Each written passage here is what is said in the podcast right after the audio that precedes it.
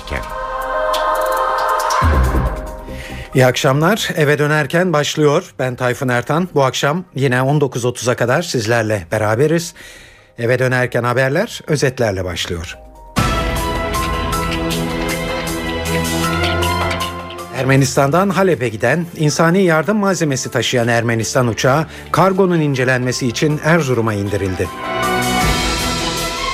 Rusya Dışişleri Bakanı Sergey Lavrov geçen hafta Suriye uçağının Ankara'ya indirilmesinin Türkiye-Rusya ilişkilerini etkilemeyeceğini söyledi. Yerel seçimlerin 5 ay öne alınmasıyla ilgili anayasa değişiklik teklifinin oylamasında 367'nin altında kalınmasından sonra şimdi gözler Abdullah Gül'ün vereceği karardı.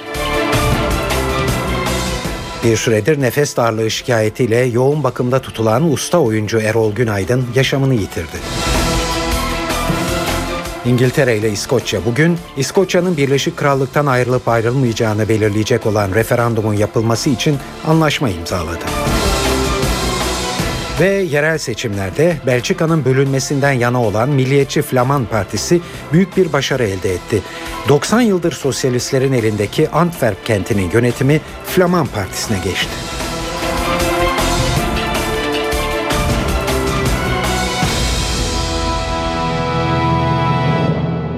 Şimdi ayrıntılara geçiyoruz. Geçtiğimiz hafta Moskova-Şam seferini yapan bir yolcu uçağının Ankara'ya indirilmesinden sonra bugün de Ermenistan'dan Halep'e giden bir yolcu uçağı Erzurum'a indirildi. Başbakanlık ve Dışişleri Bakanlığı yetkilileri Suriye'nin Halep kentine insani yardım malzemesi taşıyan Ermenistan uçağının Türk hava sahasından geçiş izni istemesi üzerine kontrol amacıyla Erzurum havaalanına indirildiğini söylediler. Ayrıntıları NTV Erzurum muhabiri Sevda İncesu anlatıyor. Ermenistan'a ait olan kargo uçağı Erzurum'a yaklaşık sabah saatlerinde 11 civarında indirildi. E, bu uçağın hemen indirilmesinin ardından e, hava meydanlarında büyük bir hareketlilik başladı. Zira uçağın daha önce indirileceğini bilen yetkililer havalimanında tedbirler almışlardı. Uçağa basın mensuplarının görüntülememesi için yakıt tankerleriyle bir alan oluşturuldu ve kargo uçağı tam bu noktaya getirildi. E, havaalanında dediğimiz gibi büyük bir hareketlilik başladı.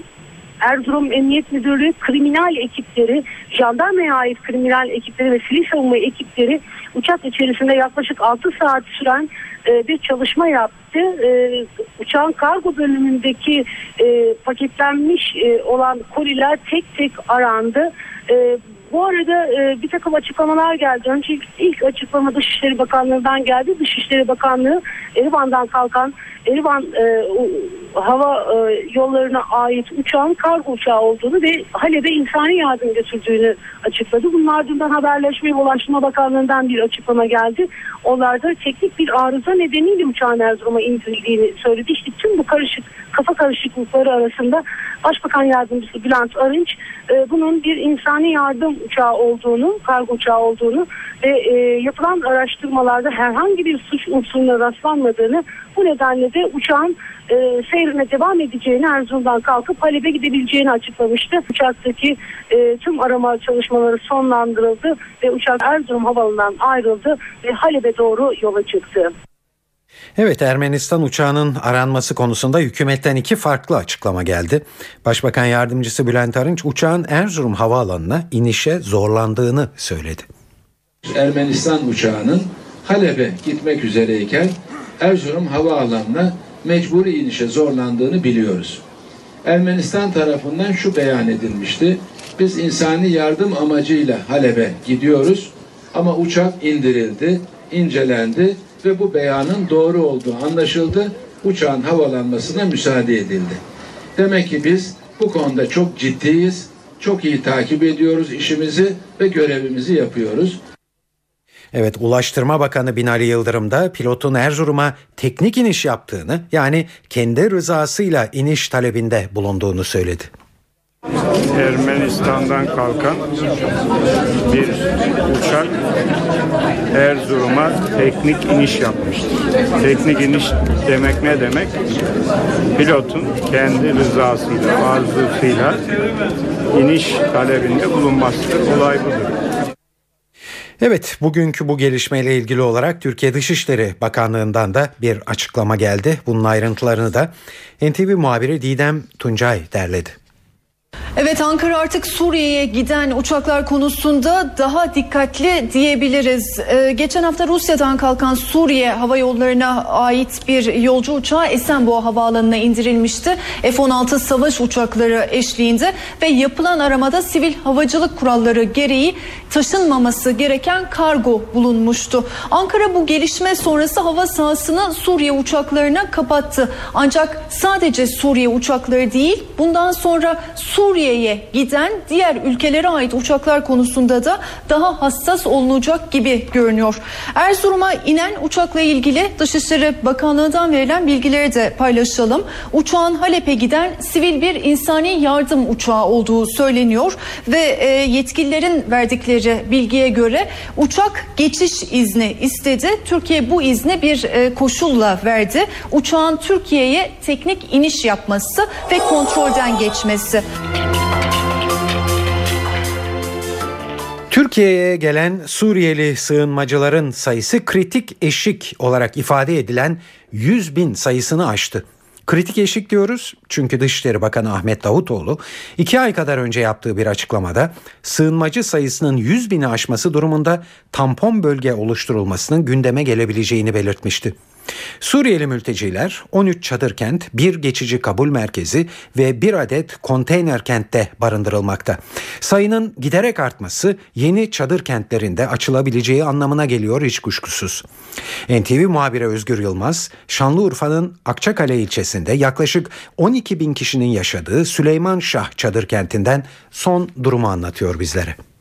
Suriye'de çatışmalar devam ediyor ve bu çatışmalardan kaçarak Türkiye'ye sığınmak isteyenler de sınır kapılarına gelmeye devam ediyor. Yayınımızı Türkiye-Suriye sınırındaki Akçakale ilçesinde kurulu olan Süleyman Şah Çadır kentinden gerçekleştiriyoruz. Burada 12 bin kişi yaşıyor ancak Turiye, ancak e, Türkiye'de yaşayan Suriyeli sığınmacıların sayısı 100 bini geçti. Hatay'da, Gaziantep'te, Kilis'te, Kahramanmaraş'ta, Osmaniye'de, Adıyaman'da da çadır kentler var ve toplam bu çadır kentlerde yaşayanların toplam sayısı 100 bin 363 açıklama Başbakanlık Afet ve Acil Durum Yönetim Başkanlığından geldi. Evet sayının 100 bini geçmesi psikolojik eşiğinde aşılması anlamına geliyor ki Dışişleri Bakanı Ahmet Davutoğlu iki ay önce yaptığı açıklamada Türkiye'de yaşayan Suriyeli sığınmacıların sayısının 100 bini geçmesi durumunda e, Suriye'de güvenli bir bölge kurulabileceğini söylemişti. Evet ayrıntılar böyle. Rusya Dışişleri Bakanı Sergey Lavrov, Suriye uçağının Ankara'ya indirilmesinin Türkiye-Rusya ilişkilerini etkilemeyeceğini söyledi.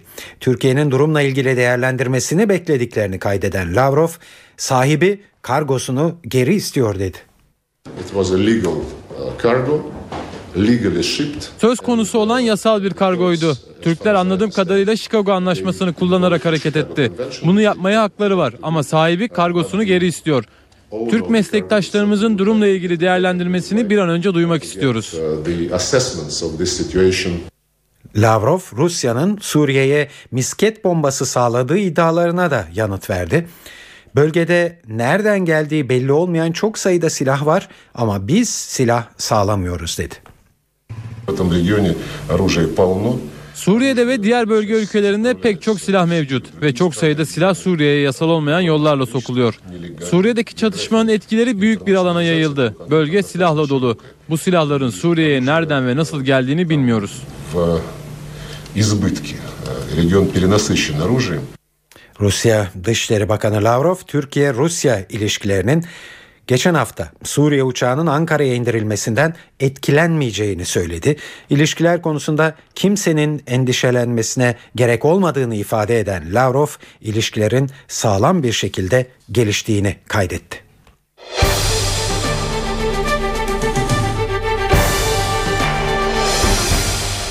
Saat 18.09 NTV Radyo'da eve dönerken haberleri dinliyorsunuz.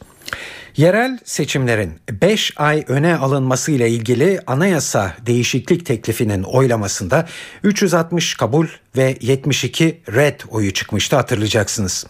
Bu sonuçla anayasa değişiklik teklifi referandum sınırı olan 330-367 oy aralığında kalmış oldu. Şimdi gözler köşkün vereceği kararda. Abdullah Gül'ün vereceği karar referandum yolunu aralayabilir ya da teklifi yeniden görüşülmek üzere meclise iade edebilir. Ankara'da bu senaryoların hangisi öne çıkıyor? NTV muhabiri Murat Koralp'e soruyoruz. Ankara'da bir referandum ihtimali zayıf görünüyor. Bunun yerine yerel seçimlerin Mart 2014'te normal tarihinde yapılması daha büyük olasılık olarak Ankara'da öne çıkıyor. Normal işleyiş gereği anayasa değişiklik teklifi Cumhurbaşkanı Abdullah Gül'ün önünde ve 15 günlük bir değerlendirme süresi var Cumhurbaşkanı'nın önünde. Ancak Ankara'da konuşulan Cumhurbaşkanı'nın bunu kullanmayacağı yönünde ve anayasa değişiklik teklifini meclise iade edeceği yönünde. Peki meclise iade edilirse ne olur? Parti gruplarından bu, bu anayasa değişiklik teklifinin geri çekileceği yönünde beyanlar var. Başbakan yardımcılarının bu yönde beyanları var. Keza MHP Genel Başkanı Devlet Bahçeli'nin de bu yönde beyanları var. Onlara kısaca göz atmakta fayda var. Başbakan Yardımcısı Beşir Atalay bir çözüm bulunacak ama referandum ihtimalini zayıf olarak görüyorum derken referandumun ciddi bir seçim olduğuna dikkat çekti ve kimsenin buna yönelik bir hazırlığı bulunmadığını söyledi. Diğer Başbakan Yardımcısı Bekir Bozdağ'ın da buna yönelik bir ifadesi var. Bir referandum ihtimali görmüyorum diyor. Referandum ihtimali şunun için görünmüyor. Çünkü bir referandum yapılması durumunda bunun Ocak ayına geleceği tahmin ediliyor ve Ocak ayında da bir seçimin yapılması Türkiye'nin coğrafi şartları, iklim şartları göz önünde bulundurulduğunda çok da ihtimal e, dahilinde görünmüyor. MHP Genel Başkanı Devlet Bahçeli'nin de bu yönde beyanları var demiştik. E, teklifin anayasa değişikliği teklifinin meclise gelmesi durumunda bunun hukuki tabirle kadük olarak kalacağı Ankara'da kulaktan kulağa konuşulmaya başlandı. Eğer böyle olmazsa referandum olursa ne olur? Bu da Ocak ayına tekabül edeceğini söyledik. Ankara'da bunun da zayıf bir ihtimal olarak değerlendirildiğini söyleyebiliriz. Referandum konusu bugün toplanan AKP Merkez Yürütme Kurulu toplantısının da başlıca gündem maddelerinden biriydi. Gelişmelerle ilgili olarak Başbakan Erdoğan'a bir de sunum yapıldı. AKP referanduma sıcak bakmıyor ve Cumhurbaşkanı Gül'ün tavrına göre politikasını oluşturmaya hazırlanıyor. Ayrıntıları NTV muhabiri Özden Erkuş aktarıyor.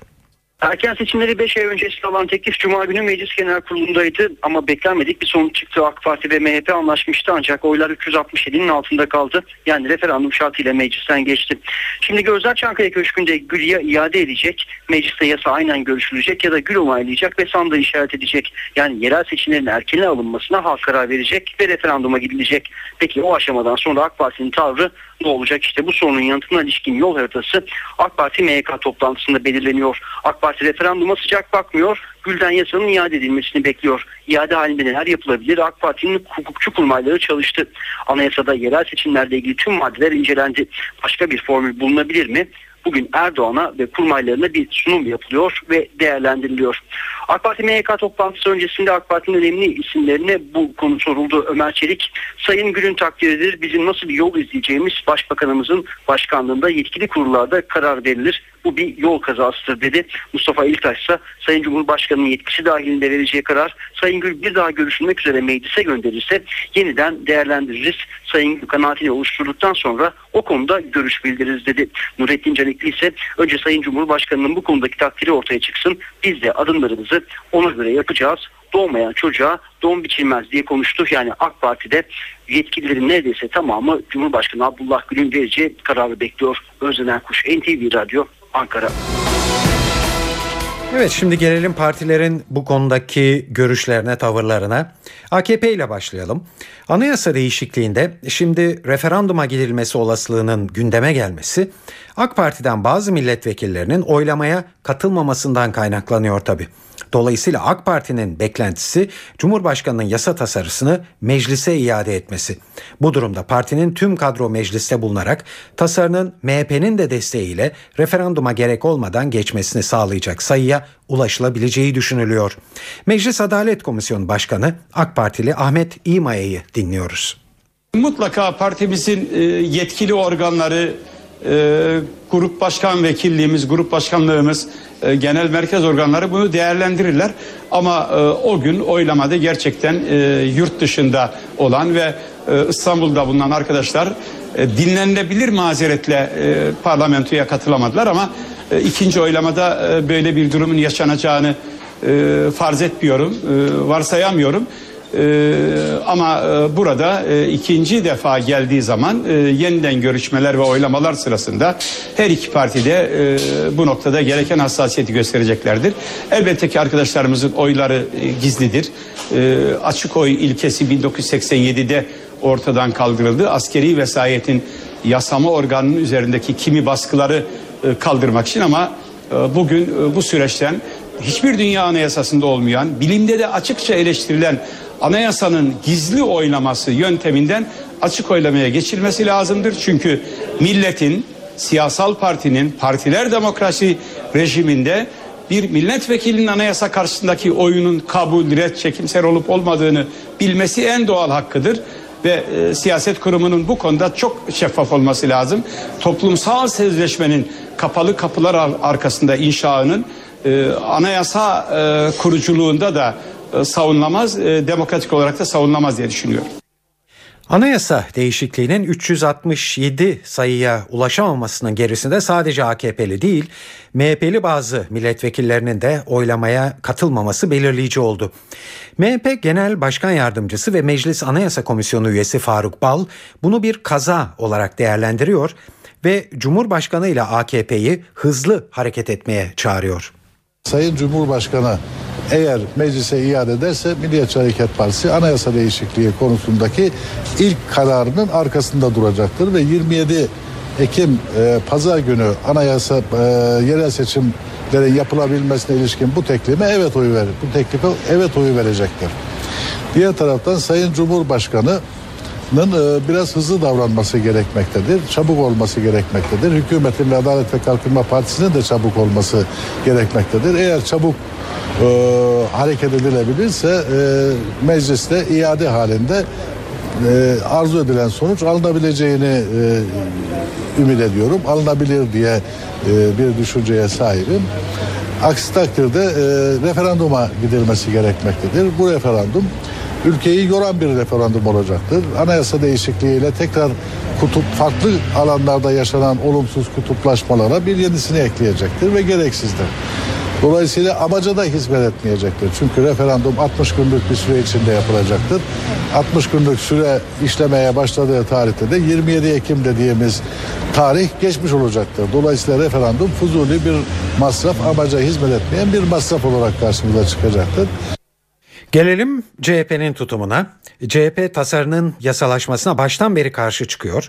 CHP'ye göre bu değişikliğin temel amacı büyükşehir tasarısının bir an önce yasalaşmasını sağlamak.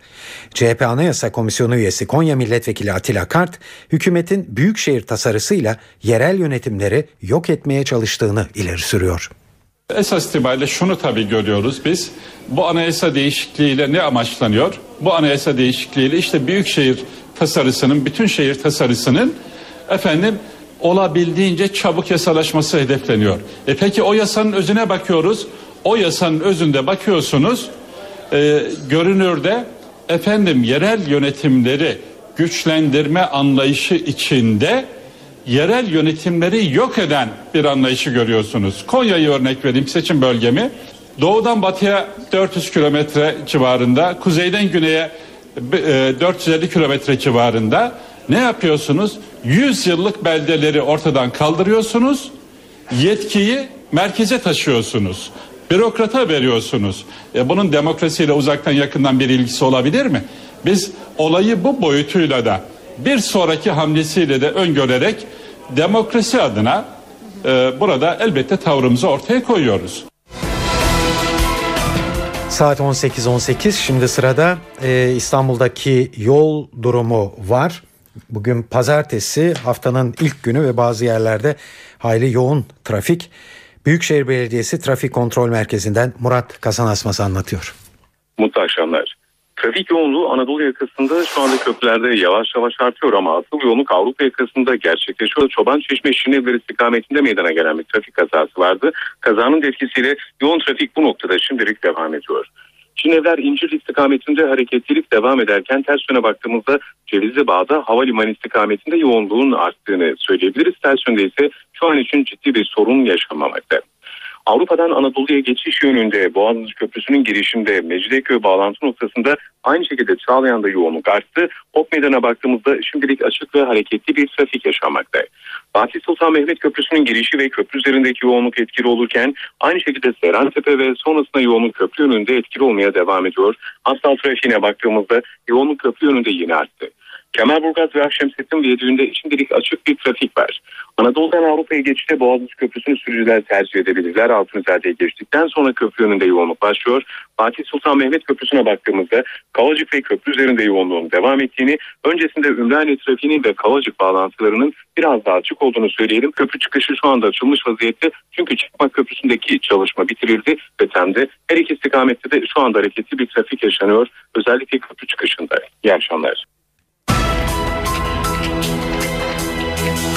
Bir süredir nefes darlığı şikayetiyle yoğun bakımda bulunan usta oyuncu Erol Günaydın yaşamını yitirdi. 1960'ta Yeşil Kurbağalar ile ilk sinema filminde oynayan Erol Günaydın 50 yıllık bir süre içinde çok sayıda sinema filmi ve tiyatro oyununda yer aldı. Ayrıntıları NTV muhabiri Korhan Varol'dan dinliyoruz. Ünlü oyuncunun ölüm nedeni olarak resmi kayıtlara kalp yetmezliği yazıldı. Ölüm raporuna ve ölüm saati de 14.45 olarak açıklandığı bir süredir tedavi görüyordu ünlü oyuncu. Önce bir süredir yaşadığı Bodrum'da Bodrum Bodrum'daki hastaneye kaldırıldı. Böbrek yetmezliği nedeniyle 24 Ağustos günü Bodrum Hastanesi'ne kaldırıldı. Bir süre orada tedavi gördü. Ardından İstanbul'a sevki gerekti ve 22 Eylül tarihinde ambulans uçakla İstanbul'a sevk edilmişti. Bir süredir tedavi görüyordu ve bilinci kapalıydı. Ünlü oyuncunun oyuncunun iki kızı Günfer ve Fatoş Günaydın kardeşler kameralar karşısına geçti. Ee, ayakta zor duruyorlardı. Ağlayarak yaptılar açıklamalarını ve babamı kaybettik çok üzgünüz dediler. Ee, Bodrum'daki hastanenin yoğun bakım ünitesinin yetersizliğinden şikayet ettiği Günaydın kardeşler. Belki o hastanenin yoğun bakım ünitesi yeterli olsaydı ya da İstanbul'a zamanında getirmiş olsaydık babamızı şu anda aramızda olacaktı. Babamız Erol Günaydın dedi. Günfer ve Fatoş Günaydın kardeşler. Bu arada cenaze işlemleri de yavaş yavaş şekillenmeye başladı. Çarşamba günü defnedilecek ünlü oyuncu ikindi namazına müteakip Feriköy'de eşinin yanına defnedilecek. Defnedilmeden önce de ses tiyatrosunda bir anma töreni düzenlenecek. Avrupa Parlamentosu'nun Fransız üyesi Alain Lamassoure, Türkiye'nin Avrupa Birliği üyeliğine karşı dikkat çekici bir çıkış yaptı. Avrupa Parlamentosu Bütçe Komisyonu Başkanı Lamassoure, hem Türkler hem de Avrupalılar Türkiye'nin Avrupa Birliği üyeliğini artık istemiyorlar. Dolayısıyla Avrupa Birliği açısından Türk sorunu diye bir sorun artık gündemde kalkmıştır diye konuştu. Geçtiğimiz hafta açıklanan Türkiye'ye yönelik eleştirilerle dolu Avrupa Birliği ilerleme raporunun ardından Alain Lamassour'un bu sözleri tabi tartışma yarattı. Türklerle ortaklık defteri kapandı diyen Lamassour'un sözleri Avrupa Birliği Bakanı Egemen Bağış'a da soruldu. Bağış, Lamassoure saçmalama özgürlüğünü kullanmış dedi. Avrupa Birliği'nin ifade özgürlükleri içerisinde insanların saçmalama özgürlüğü de olabilir. Sayın Bütçe Komisyonu Başkanı'nın bu açıklamasını çok da önemsemeye ben gerek görmüyorum. Türkiye'nin AB süreci AB üyesi ülkelerin oy birliğiyle alınmış bir kararla başlayan bir süreçtir. Bu sürecin durması ancak AB üyesi 27 ülkenin oy birliğiyle alabileceği bir kararla durabilecektir. Onun için bir bütçe komisyonu başkanının bir yorumunu çok da fazla ciddiye almak abeste iştigal olur. Egemen Bağış'a Avrupa Birliği'ne Nobel ödülü verilmesi de soruldu. Avrupa Birliği'nin aslında alacağı en büyük ödül Türkiye'nin üyeliği olacaktır. O açıdan Avrupa Birliği bundan sonraki süreçte içine düşmüş olduğu akıl tutulmasından bir an evvel kurtulup Türkiye ile ilgili müzakere sürecini hızlandırmalıdır. Avrupa Komisyonu'nun 10 Ekim'de yayınladığı Türkiye İlerleme raporunda ifade ve basın özgürlüğü konusunda Türkiye'ye yönelik eleştiriler dikkat çekiyordu. Size yansıtmıştık.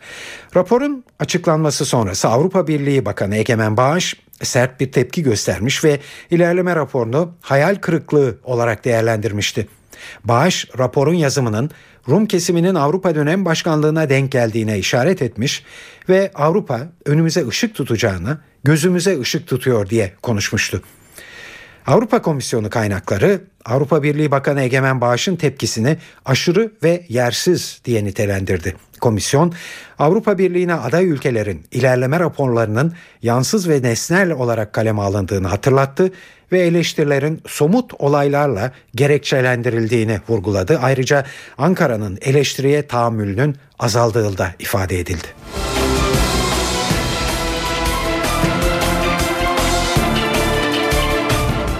Ankara Cumhuriyet Başsavcılığı BDP'nin dün gerçekleştirilen ikinci olağanüstü kongresinin tertip komitesi hakkında soruşturma başlattı. Kongrede atılan sloganlar, salonda açılan Abdullah Öcalan posterleri ve pankartlar nedeniyle Cumhuriyet Savcısı Kemal Çetin'in başlattığı soruşturma terör örgütü propagandası yapma suçu kapsamında yürütülecek. Tertip komitesinin yanı sıra salonda Abdullah Öcalan posteri açan kişiler hakkında da soruşturma başlatıldığı anlaşılıyor.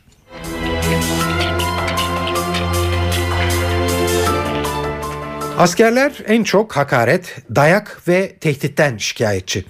432 Mehmetçik askerlikte maruz kaldığı şiddeti insanhakları.com sitesinde anlattı. İnternet sitesi de askerlerden gelen bu tür şikayetleri rapor haline getirdi ve raporu Meclis İnsan Hakları Komisyonu'na gönderdi. Askerlikte yaşanan hak ihlalleri raporu hakaret, dayak, angarya ve intiharlar adını taşıyan rapora göre yüzlerce askerin ortak iddiası hakaret, dayak, aşırı fiziksel aktiviteye zorlanma ve tehdit. İki askerden biri küfre maruz kaldığını söylüyor. Askerler ayrıca yeterli sağlık hizmeti alamamaktan, şahsi işlere koşturulmaktan ve uykusuz bırakılmaktan şikayetçiler.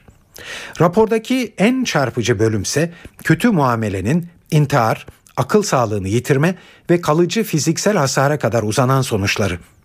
Rapora göre 2012 yılında tam 32 asker intihar etti.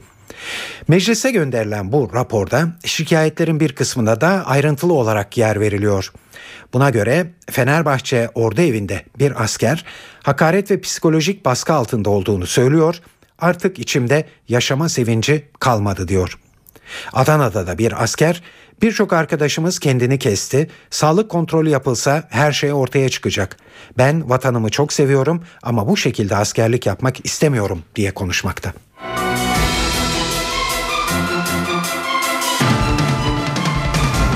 Ekonomik bir haberle devam ediyoruz. İşsizlik oranı Temmuz ayında 8 yüzde 8,4 oldu. Bu oran geçen yılın aynı dönemine göre bir düşüşe işaret ediyor. Ancak işsizlik bu yılın Haziran ayına göre de yükselmiş durumda. Rakamların ayrıntılarını NTV muhabiri Ahmet Ergen anlatıyor. Yıllık değişime bakarak e, başlarsak işsizlik oranı bir yıllık dönemde geçen yılın 2011'in Temmuz dönemine göre 0,7 puanlık bir düşüş göstermiş durumda. Geçen yıl Temmuz'da %9,1 oranında gerçekleşmişti işsizlik. Bu yıl itibariyle aynı dönemde baktığımızda işsizlik oranı %8,4. Kayıtlı işsizlerin sayısı üstünden de değişimi değerlendirmemiz gerekirse Temmuz dönemi itibariyle Türkiye'de kayıtlı işsizlerin sayısı 2 milyon 323 bin kişi olarak açıklanmış durumda. Bu ne anlama geliyor? Geçtiğimiz yıla göre aynı dönemine göre geçen yılın kayıtlı işsizlerin sayısında 186 bin kişilik bir azalma var. Geçen yıl Temmuz'da 2 milyon 509 bin kişi olarak kayıtlara geçmişti. İşsiz sayısı bir aylık dönemde daha önceki açıklanan rakamlar itibariyle bakarsak Haziran sonu itibariyle işsizlik oranı yüzde sekizdi. Kayıtlı işsizlerin sayısı da 2 milyon 226 bindi. Ee, Temmuz dönemi rakamına baktığımızda 97 bin kişilik bir artış var kayıtlı işsizlerin sayısında. Bunun dışında diğer e, rakamlara da bakarsak tarım dışı işsizlik oranı yüzde 10,7 Temmuz dönemi itibariyle burada da bir yıllık dönemde 1,1 puanlık bir düşüş var. Geçen yıl 2011 Temmuz'unda tarım dışı işsizlik %11,8'di. Bu yıl 10,7 olarak gerçekleşmiş durumda. Genç nüfusta işsizlik oranı 15-24 e, yaş grubunda işsizlik %16,3'e gerilemiş durumda. Burada da 2 puanlık bir düşüş söz konusu Temmuz dönemi itibariyle.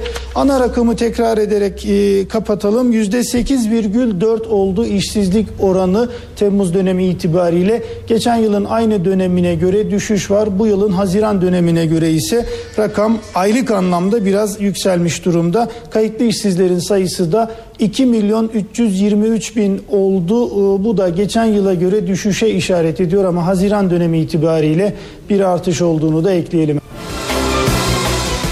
Evet para ve sermaye piyasalarında bugünkü sonuçları da yansıtalım sizlere. CNBC'den Benel Hızarcı'yı dinliyoruz.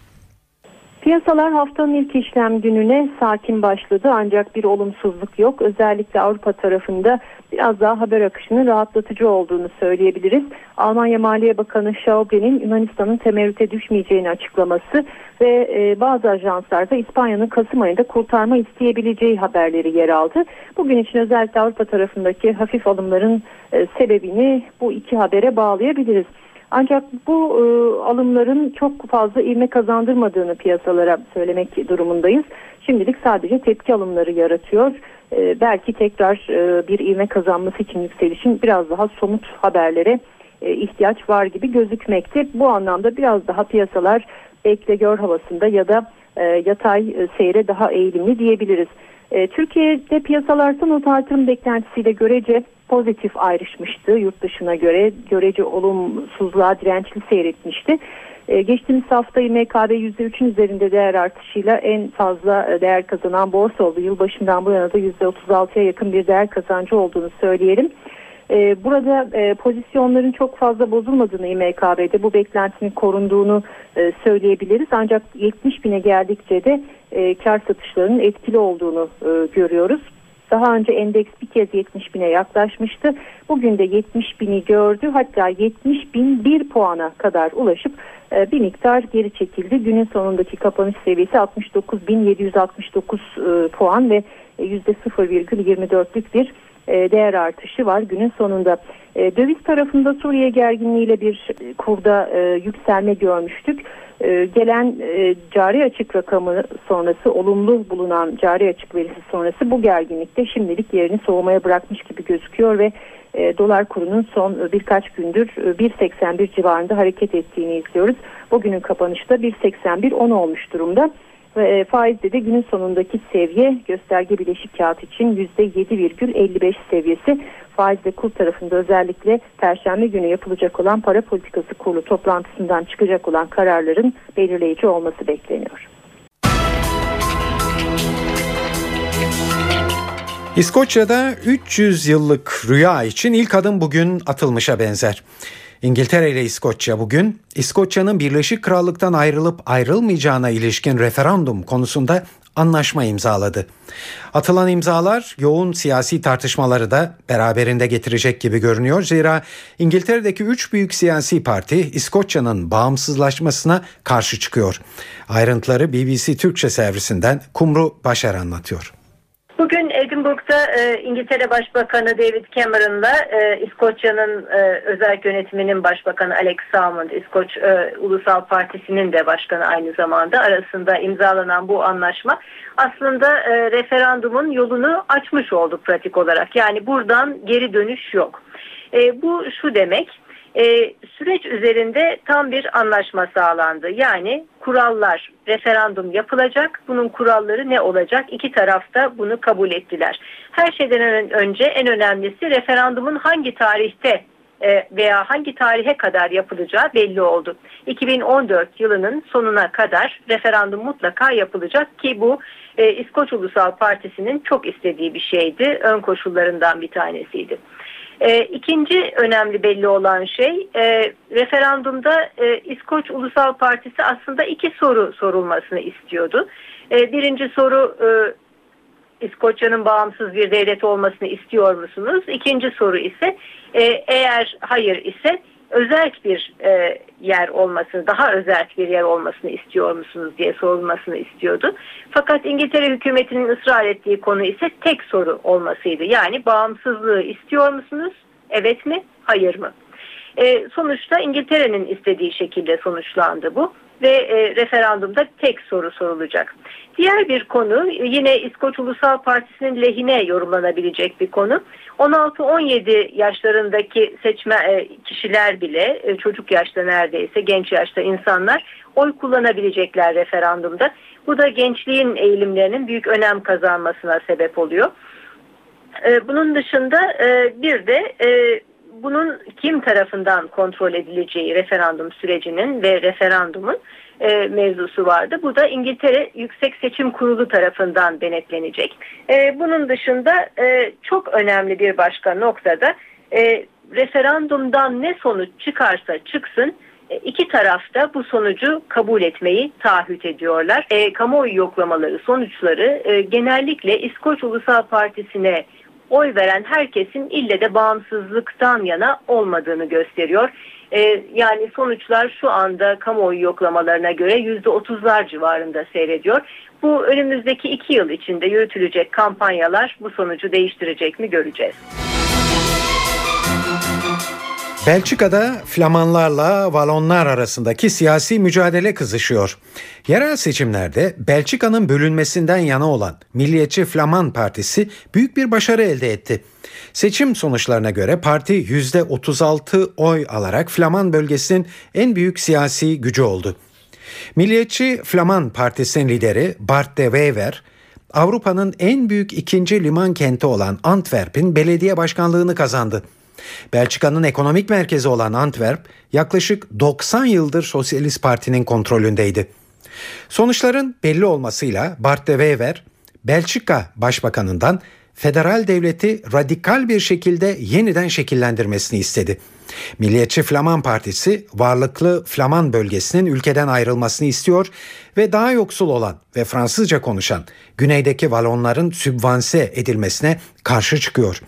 Belçika'da güçlenen milliyetçi Flaman dalgasının ülkenin bölünmesi ya da bir konfederasyonla sonuçlanabileceği yorumları yapılmakta.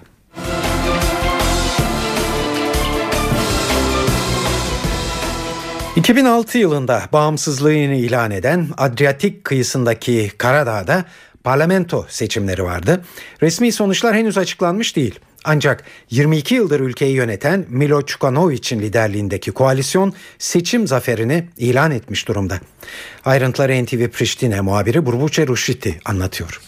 2006 yılında bağımsızlığını ilan eden Adriyatik kıyılarındaki Karadağ'da düzenlenen parlamento seçimlerin galibi 22 yıldır ülkeyi yöneten Milo Djukanovic'in liderliğindeki Sosyalistlerin Demokratik Partisi ve içinde bulunduğu Avrupalı Karadağ adlı koalisyon oldu. Ülkedeki siyasi tabloyu çizen seçmenlerin çoğu yine Djukanovic yönetimine evet dedi. Sandık çıkış anketlerine göre seçimden ikinci çıkan ise Demokratik Cephe koalisyonu oldu yıllar boyunca ülkeyi yöneten 50 yaşındaki karizmatik lider Milo Djukanovic 5 kez Karadağ Başbakanlığı, bir kez Cumhurbaşkanlığı ve bir kez de bakanlık yaptı. Ülkesinin bağımsızlık savunucusu olarak kendisini niteleyen Djukanovic'in hedefi Karadağ'ı NATO üyesi yapmak ve Haziran'da Avrupa Birliği ile başlayan müzakereleri güçlü bir şekilde ilerletmek. Djukanovic'i ve yönetimini zor görevler bekliyor özellikle yolsuzluk ve organize suçla mücadelenin yanı sıra hukukun üstünlüğü konusunda. Burbuşa Ruşeti, NTV Priştine. Birleşmiş Milletler gelecek yıl gıda krizi yaşanabileceğine dikkat çekti. Birleşmiş Milletler'in Gıda ve Tarım Örgütü FAO, dünya tahıl rezervlerinin tehlikeli ölçüde düşük olduğuna dikkat çekti. Bu yılki sıcaklık ve kuraklık Amerika Birleşik Devletleri ve Ukrayna gibi gıda ihraç eden ülkelerde hasadı olumsuz etkilerken fiyatları da tırmandırıyor. Birleşmiş Milletler dünyada 870 milyon kişinin kötü beslendiğini, Orta Doğu ve Afrika'da gıda krizinin giderek büyüdüğünü belirtiyor. Gıda tüketimi artarken üretim artmıyor, stoklarda azalıyor. Üstelik değişen iklim koşulları da diğer olumsuz bir etken. Çevreci örgütler acil önlem arınmazsa küresel gıda temin sisteminin her an çökebileceğini, milyonlarca insanın aç kalabileceğini belirtiyor. Bu durumun sosyal çalkantılara neden olabileceği hatta hükümetleri düşürebileceği de söylenmekte. İnsanlığın geleceğine yönelik tehdidin artık doğrudan silahlı çatışmalardan değil, iklim değişikliği, nüfus artışı, su sıkıntısı ve artan gıda fiyatları gibi nedenlerden kaynaklanacağı ifade ediliyor.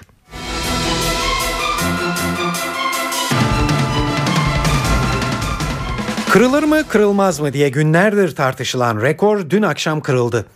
Avusturyalı macera pelest Felix Baumgartner dev bir helyum balonuyla stratosfere çıktı ve yerden tam 39 kilometre yüksekte kendini boşluğa bıraktı. Astronot kıyafetine benzeyen basınçlı bir tulum giyen Baumgartner'in atlayışı 5 dakika sürdü ve bu sırada ses hızını da aştı. 43 yaşındaki macera perest 5 dakikanın sonunda Amerika Birleşik Devletleri'nin New Mexico eyaletine paraşütle iniş yaptı. Baumgartner'ı başarılı inişini takım arkadaşları ve ailesi tabi sevinçle karşıladı. Bu tarihi anı kutlayanlar arasında bundan 52 yıl önce 31 kilometre yüksekten atlayarak dünya rekoru kıran Joe Kittenger de vardı. Bence en heyecan verici an dünyanın tepesinde durduğum atlamadan önceki 30 saniyeydi. En güzel ansa yere indiğimde ekip arkadaşım Mike'ın gelip beni karşılaması ve yüzünde gördüğüm sevinç ifadesiydi. Gartner Evet, Baumgartner artık en yüksekten atlayan, en hızlı düşen ve elbette sonunda hayatta kalabilen tek insan. Eve dönerken haberleri hava durumuyla sürdürüyoruz. Meteoroloji editörümüz Gökhan Abur'a kulak veriyoruz. İyi akşamlar. Evet dün akşam saatlerinde Edirne'de başlayan sağanak yağışlar etkisini arttırarak e, öğle saatlerine kadar devam etti ve artık yağış yok. Yarın ülke genelinde yağış beklemiyoruz. Sıcaklıklar da yüksek değerlerini korumaya devam edecek. Özellikle Marmara, Ege ve Akdeniz'de sıcaklıklar yine gün içinde 27 ile 32 derece arasında değişecek. İç kesimlerde de yüksek sıcaklıklar var yarın için ama geceler oldukça soğuk geçiyor. Özellikle doğu bölgelerde gece sıcaklıkları oldukça düşük hatta yer yer eksi değerlere bile düşebiliyor Erzurum ve Erzincan gibi ülkemizin yüksek olan kesimlerinde. Çarşamba günü e, için e, doğuda hafif bir bulutlanma var. Doğudaki doğuda çok kısa süreli yağışlar Hakkari civarında görülebilir. Aynı şekilde batıda da batıda da yine Edirne civarında ve hafif de olsa bir yağış geçişi var. Haftanın ikinci arası Poyraz'ın kuvvetlenmesiyle sıcaklıklar kuzeyden başlayarak azalacak. Bu 4-5 derecelik azalılıkta hafta sonuna doğru etkisini giderek arttıracak ve serinlemeye bağlı olarak Cumartesi gece saatlerinde Marmara'nın kuzeyi ve Batı Karadeniz bölgesi yeni bir yağış tavanın etkisi altına girecek ki yağışların özellikle pazar ve pazartesi günü etkisini arttırmasını bekliyoruz. Evet Ankara, İstanbul, İzmir'e baktığımız zaman da İzmir'de sıcaklıklar yine 30 dereceler civarında olacak. İstanbul'da yarın beklediğimiz sıcaklık yine 26-27 dereceler civarında. Gece sıcaklıkları da İstanbul'da 18 derece, İzmir'de ise 20 derece civarında olacak. Ankara'da ise gündüz sıcaklıkları yüksek ama gece sıcaklığı 12 derecenin altına inecek. Evet bizlere yarın işinde böyle hava koşulları bekliyorum. Hepinize iyi akşamlar diliyorum. Hoşçakalın. Ermenistan'dan Halep'e giden insani yardım malzemesi taşıyan Ermenistan uçağı kargosunun incelenmesi için Erzurum'a indirildi. Uçak bir saat kadar önce Türkiye'den ayrıldı.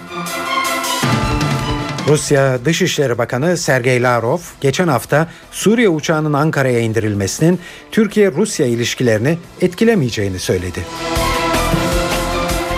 Ve yerel seçimlerin 5 ay öne alınması ile ilgili anayasa değişiklik teklifinin oylamasında 367'nin altında kalınmasından sonra şimdi gözler Abdullah Gül'ün vereceği kararda.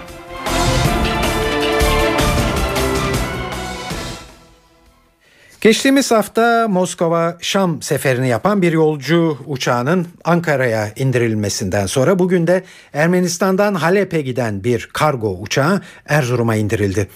Başbakanlık ve Dışişleri Bakanlığı yetkilileri Suriye'nin Halep kentine insani yardım malzemesi taşıyan Ermenistan uçağının Türk hava sahasından geçiş izni istemesi üzerine kontrol amacıyla Erzurum havaalanına indirildiğini açıkladılar. Bugünkü gelişmeleri NTV Erzurum muhabiri Sevda İncesu anlatıyor.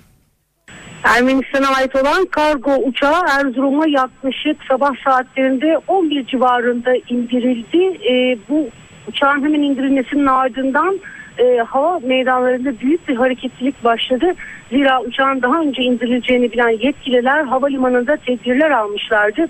Uçağı basın mensuplarının görüntülememesi için yakıt tankerleriyle bir alan oluşturuldu ve kargo uçağı tam bu noktaya getirildi. E, havaalanında dediğimiz gibi büyük bir hareketlilik başladı. Erzurum Emniyet Müdürlüğü kriminal ekipleri, jandarmaya ait kriminal ekipleri ve sivil savunma ekipleri uçak içerisinde yaklaşık 6 saat süren e, bir çalışma yaptı. E, uçağın kargo bölümündeki e, paketlenmiş e, olan koliler tek tek arandı. E, bu arada e, bir takım açıklamalar geldi. Önce ilk, açıklama Dışişleri Bakanlığı'ndan geldi. Dışişleri Bakanlığı Erivan'dan kalkan Erivan e, hava e, yollarına ait uçağın kargo uçağı olduğunu ve Halep'e insani yardım götürdüğünü açıkladı. Bunun ardından Haberleşme ve Ulaştırma Bakanlığı'ndan bir açıklama geldi.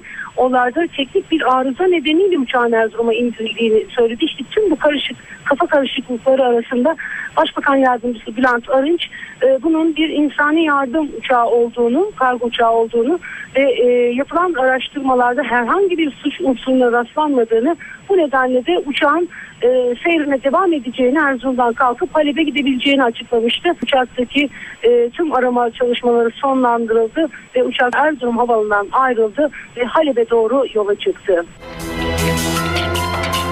Türkiye'ye gelen Suriyeli sığınmacıların sayısı kritik eşik olarak ifade edilen 100 bini aştı.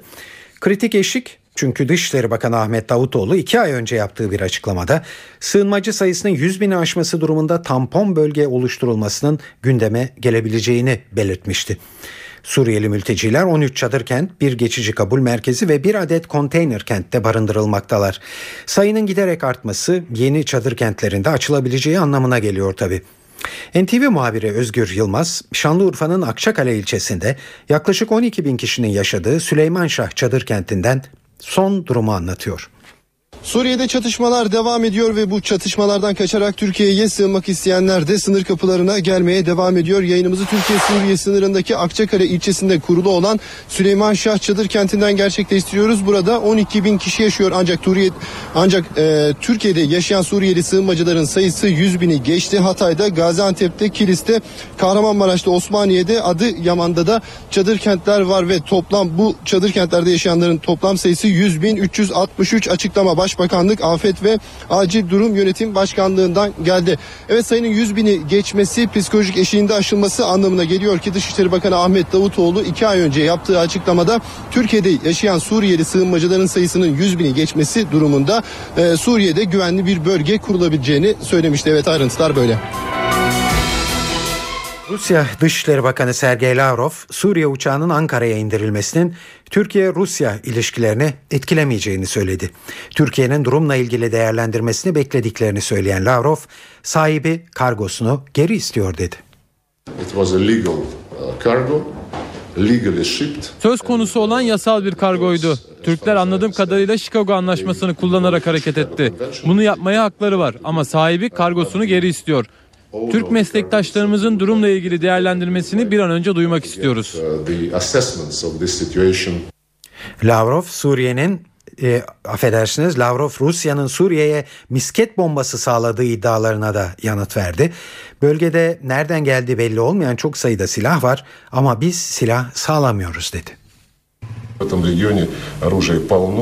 Suriye'de ve diğer bölge ülkelerinde pek çok silah mevcut ve çok sayıda silah Suriye'ye yasal olmayan yollarla sokuluyor. Suriye'deki çatışmanın etkileri büyük bir alana yayıldı. Bölge silahla dolu. Bu silahların Suriye'ye nereden ve nasıl geldiğini bilmiyoruz. Регион перенасыщен Rusya Dışişleri Bakanı Sergey Lavrov, Türkiye-Rusya ilişkilerinin Suriye uçağının Ankara'ya indirilmesinden etkilenmeyeceğini de ekledi. İlişkiler konusunda kimsenin endişelenmesine gerek olmadığını ifade eden Lavrov, ilişkilerin sağlam bir şekilde geliştiğini vurguladı.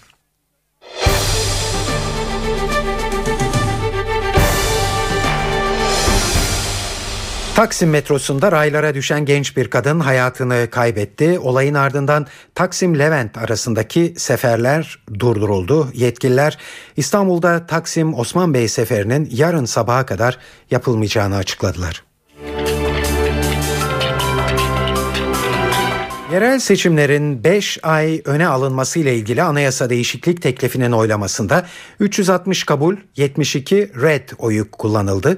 Bu sonuçla anayasa değişiklik teklifi referandum sınırı olan 330-367 oy aralığında kalmış oldu. Şimdi gözler köşkün vereceği kararda. Abdullah Gül'ün vereceği karar referandum yolunu aralayabilir ya da teklifi yeniden görüşülmek üzere meclise iade edebilir. Ankara'da bu senaryoların hangisi öne çıkıyor? NTV muhabiri Murat Koralp'e sorduk. Ankara'da bir referandum ihtimali zayıf görünüyor. Bunun yerine yerel seçimlerin Mart 2014'te normal tarihinde yapılması daha büyük olasılık olarak Ankara'da öne çıkıyor. Normal işleyiş gereği anayasa değişiklik teklifi Cumhurbaşkanı Abdullah Gül'ün önünde ve 15 günlük bir değerlendirme süresi var Cumhurbaşkanı'nın önünde. Ancak Ankara'da konuşulan Cumhurbaşkanı'nın bunu kullanmayacağı yönünde ve anayasa değişiklik teklifini meclise iade edeceği yönünde. Peki meclise iade edilirse ne olur? Parti gruplarından bu, bu anayasa değişiklik teklifinin geri çekileceği yönünde beyanlar var. Başbakan yardımcılarının bu yönde beyanları var. Keza MHP Genel Başkanı Devlet Bahçeli'nin de bu yönde beyanları var. Onlara kısaca göz atmakta fayda var. Başbakan Yardımcısı Beşir Atalay bir çözüm bulunacak ama referandum ihtimalini zayıf olarak görüyorum derken referandumun ciddi bir seçim olduğuna dikkat çekti ve kimsenin buna yönelik bir hazırlığı bulunmadığını söyledi. Diğer Başbakan Yardımcısı Bekir Bozdağ'ın da buna yönelik bir ifadesi var. Bir referandum ihtimali görmüyorum diyor. Referandum ihtimali şunun için görünmüyor. Çünkü bir referandum yapılması durumunda bunun Ocak ayına geleceği tahmin ediliyor ve Ocak ayında da bir seçimin yapılması Türkiye'nin coğrafi şartları, iklim şartları göz önünde bulundurulduğunda çok da ihtimal e, dahilinde görünmüyor.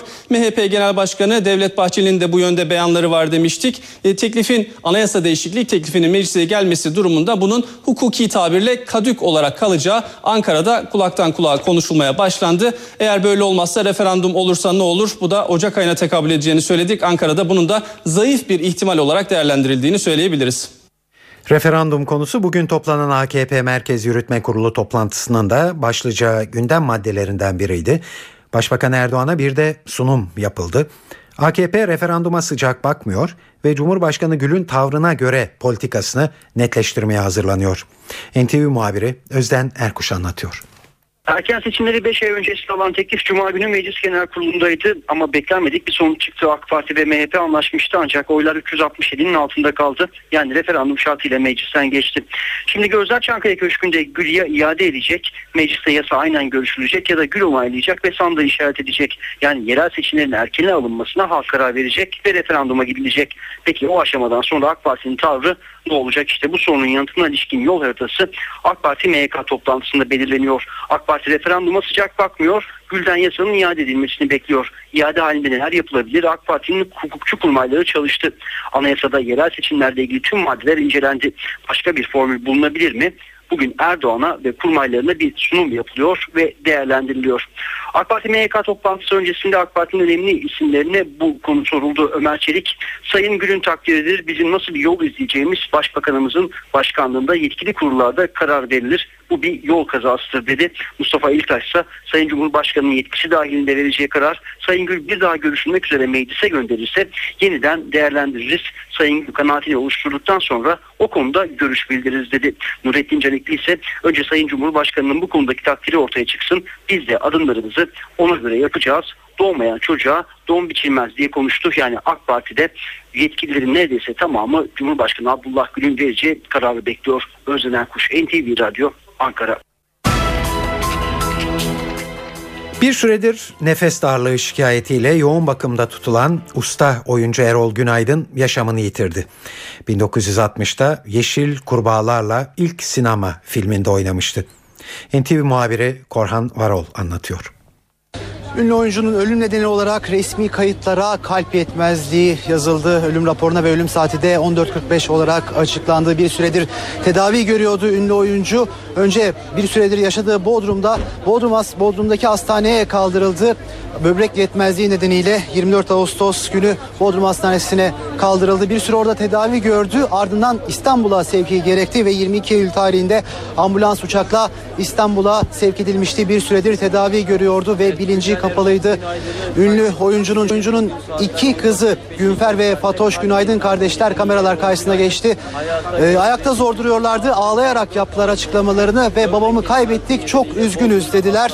Bodrum'daki hastanenin yoğun bakım ünitesinin yetersizliğinden şikayet ettiği Günaydın kardeşler. Belki o hastanenin yoğun bakım ünitesi yeterli olsaydı ya da İstanbul'a zamanında getirmiş olsaydık babamızı şu anda aramızda olacaktı. Babamız Erol Günaydın dedi.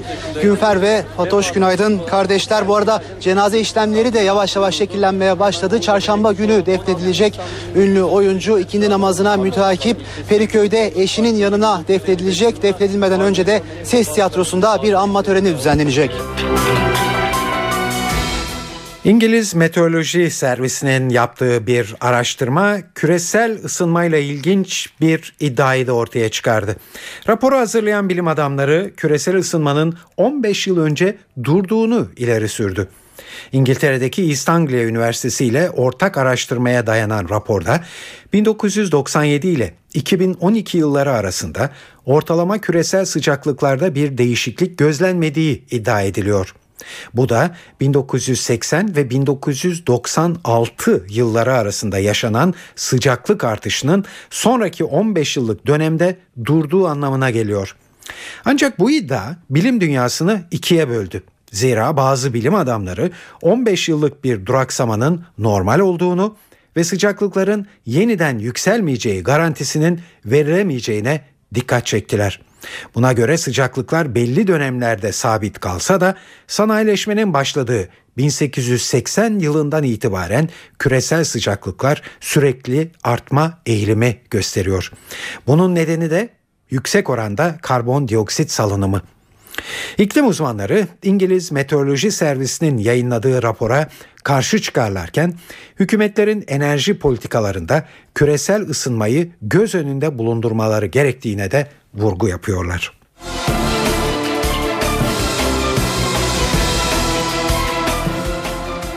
Evet sırada gecenin kültür sanat faaliyetlerine ilişkin haberler var. Akbank Jazz Festivali kapsamında bu yıl ikincisi düzenlenen James Akbank Jazz Festivali Genç Yetenekler Yarışması'nda final heyecanı başladı. Amatör caz müzisyenlerini ustalarla buluşturan yarışmanın final programına Babylon ev sahipliği yapıyor. En iyi performans, en iyi doğaçlama ve en iyi yorum kategorilerinde birincilerin seçileceği final programı saat 20'de başlayacak.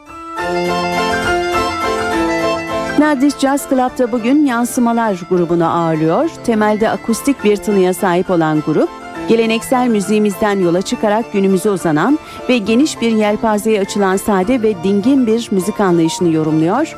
Konser saat 21.30'da başlayacak. Kayra Şen Ocağ'ın yazıp yönettiği Aşka olan Mailim Senin Yüzünden adlı komedi oyununu bugün Ataköy'deki Yunus Emre Kültür Merkezi'nde görebilirsiniz. Başrollerini Kayra Şenocak, Buket Dereoğlu, Ercu Turan ve Zeynep Aydemir'in oynadığı kadın erkek ilişkilerini güncel bir o kadar da esprili bir dille anlatan oyun, iki evli çiftin bir gecede boşanma aşamasına kadar varan kavgalarını anlatıyor. Oyunun başlama saati 20.30. Salt Galata'da Modern'in icrası Atatürk Kültür Merkezi 1946 1977 başlıklı sergiye ev sahipliğini sürdürüyor.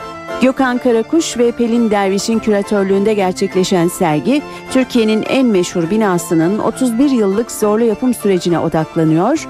Sergiyi görmek için son tarih 6 Ocak. Sırada Ankaralı dinleyicilerimiz için etkinlik önerilerimiz var. 3. Uluslararası Şefika Kutler Festivali devam ediyor. Festival kapsamında bugün 50 kişilik Karadağ Senfoni Orkestrası konser veriyor. Çevre duyarlılığına dikkat çekilecek bu konserin solisti Şefika Kutler. Konser saat 20'de MEP Şura Salonu'nda. Usta oyuncu Ferhan Şensoy da 7 Mart 1987'den beri aralıksız oynadığı tek kişilik oyunu Ferhan Gişeyler'le bugün ODTÜ Kültür ve Kongre Merkezi Kemal Kurdaş Salonu'nda olacak. Gündelik olayların Ferhanca bir mizah penceresinden değerlendirildiği oyun saat 20.30'da başlayacak. İzmir'de ise bugün Türkiye'nin ilk bakır nefesli beşlisi Golden Horn Brass'ın konseri var. Klasik, caz, pop, Anadolu ezgileri ve tüm bu türleri kendi üslubuyla birleştiren geniş bir repertuara sahip olan grup saat 20'den itibaren Ahmet Adnan Saygun Sanat Merkezi'nde olacak. Türk müzisyen Behzat Üvez ve Hollandalı saz ustası Steven Kemperman'ın kurdukları Barana grubu da Ceylan Ertem eşliğinde bugün Eskişehir'de olacak 22. Akbank Jazz Festivali kapsamında gerçekleşecek konserlerine Anadolu Üniversitesi'nin Sinema Anadolu Salonu ev sahipliği yapacak. Bu konserin başlama saati ise 19. Tiyatro İstanbul'da Yılmaz Özdil'in aynı adlı eserinden uyarladığı İsim Şehir Hayvan adlı kabareyi bugün Kocaeli'nde sahneliyor. Metin Sereze'nin yönettiği oyun saat 20.30'da Sabancı Kültür Merkezi'nde görülebilir. So, how much is this thing gonna run me? About 49.95 minus 50. Akşam evde olacaksanız CNBC-E'de 21 adlı filmi izleyebilirsiniz. Jim Sturges'in başrolünde yer aldığı filmde sayılarla arası iyi olan bir grup öğrenci bir profesörün liderliğinde Las Vegas'ın yolunu tutar. Gerçek bir olaydan ilham alan 21 yönetmeni Robert Lockettick'in de en ciddi filmlerinden biri olarak kabul ediliyor. Film saat 22'de başlayacak. Hazır mısınız? Star TV'de ise bugün saat 20'de O Ses Türkiye adlı yarışma programı var. O ses Türkiye. O ses Türkiye. Saat 19.24 NTV Radyo'da eve dönerken haberler bu akşam da burada sona eriyor. Bu yayının editörlüğünü Onur Koçarslan, stüdyo teknisyenliğini de İsmet Tokdemir yaptı. Ben Tayfun Ertan. Hepinize iyi geceler diliyorum. Hoşçakalın. NTV Radyo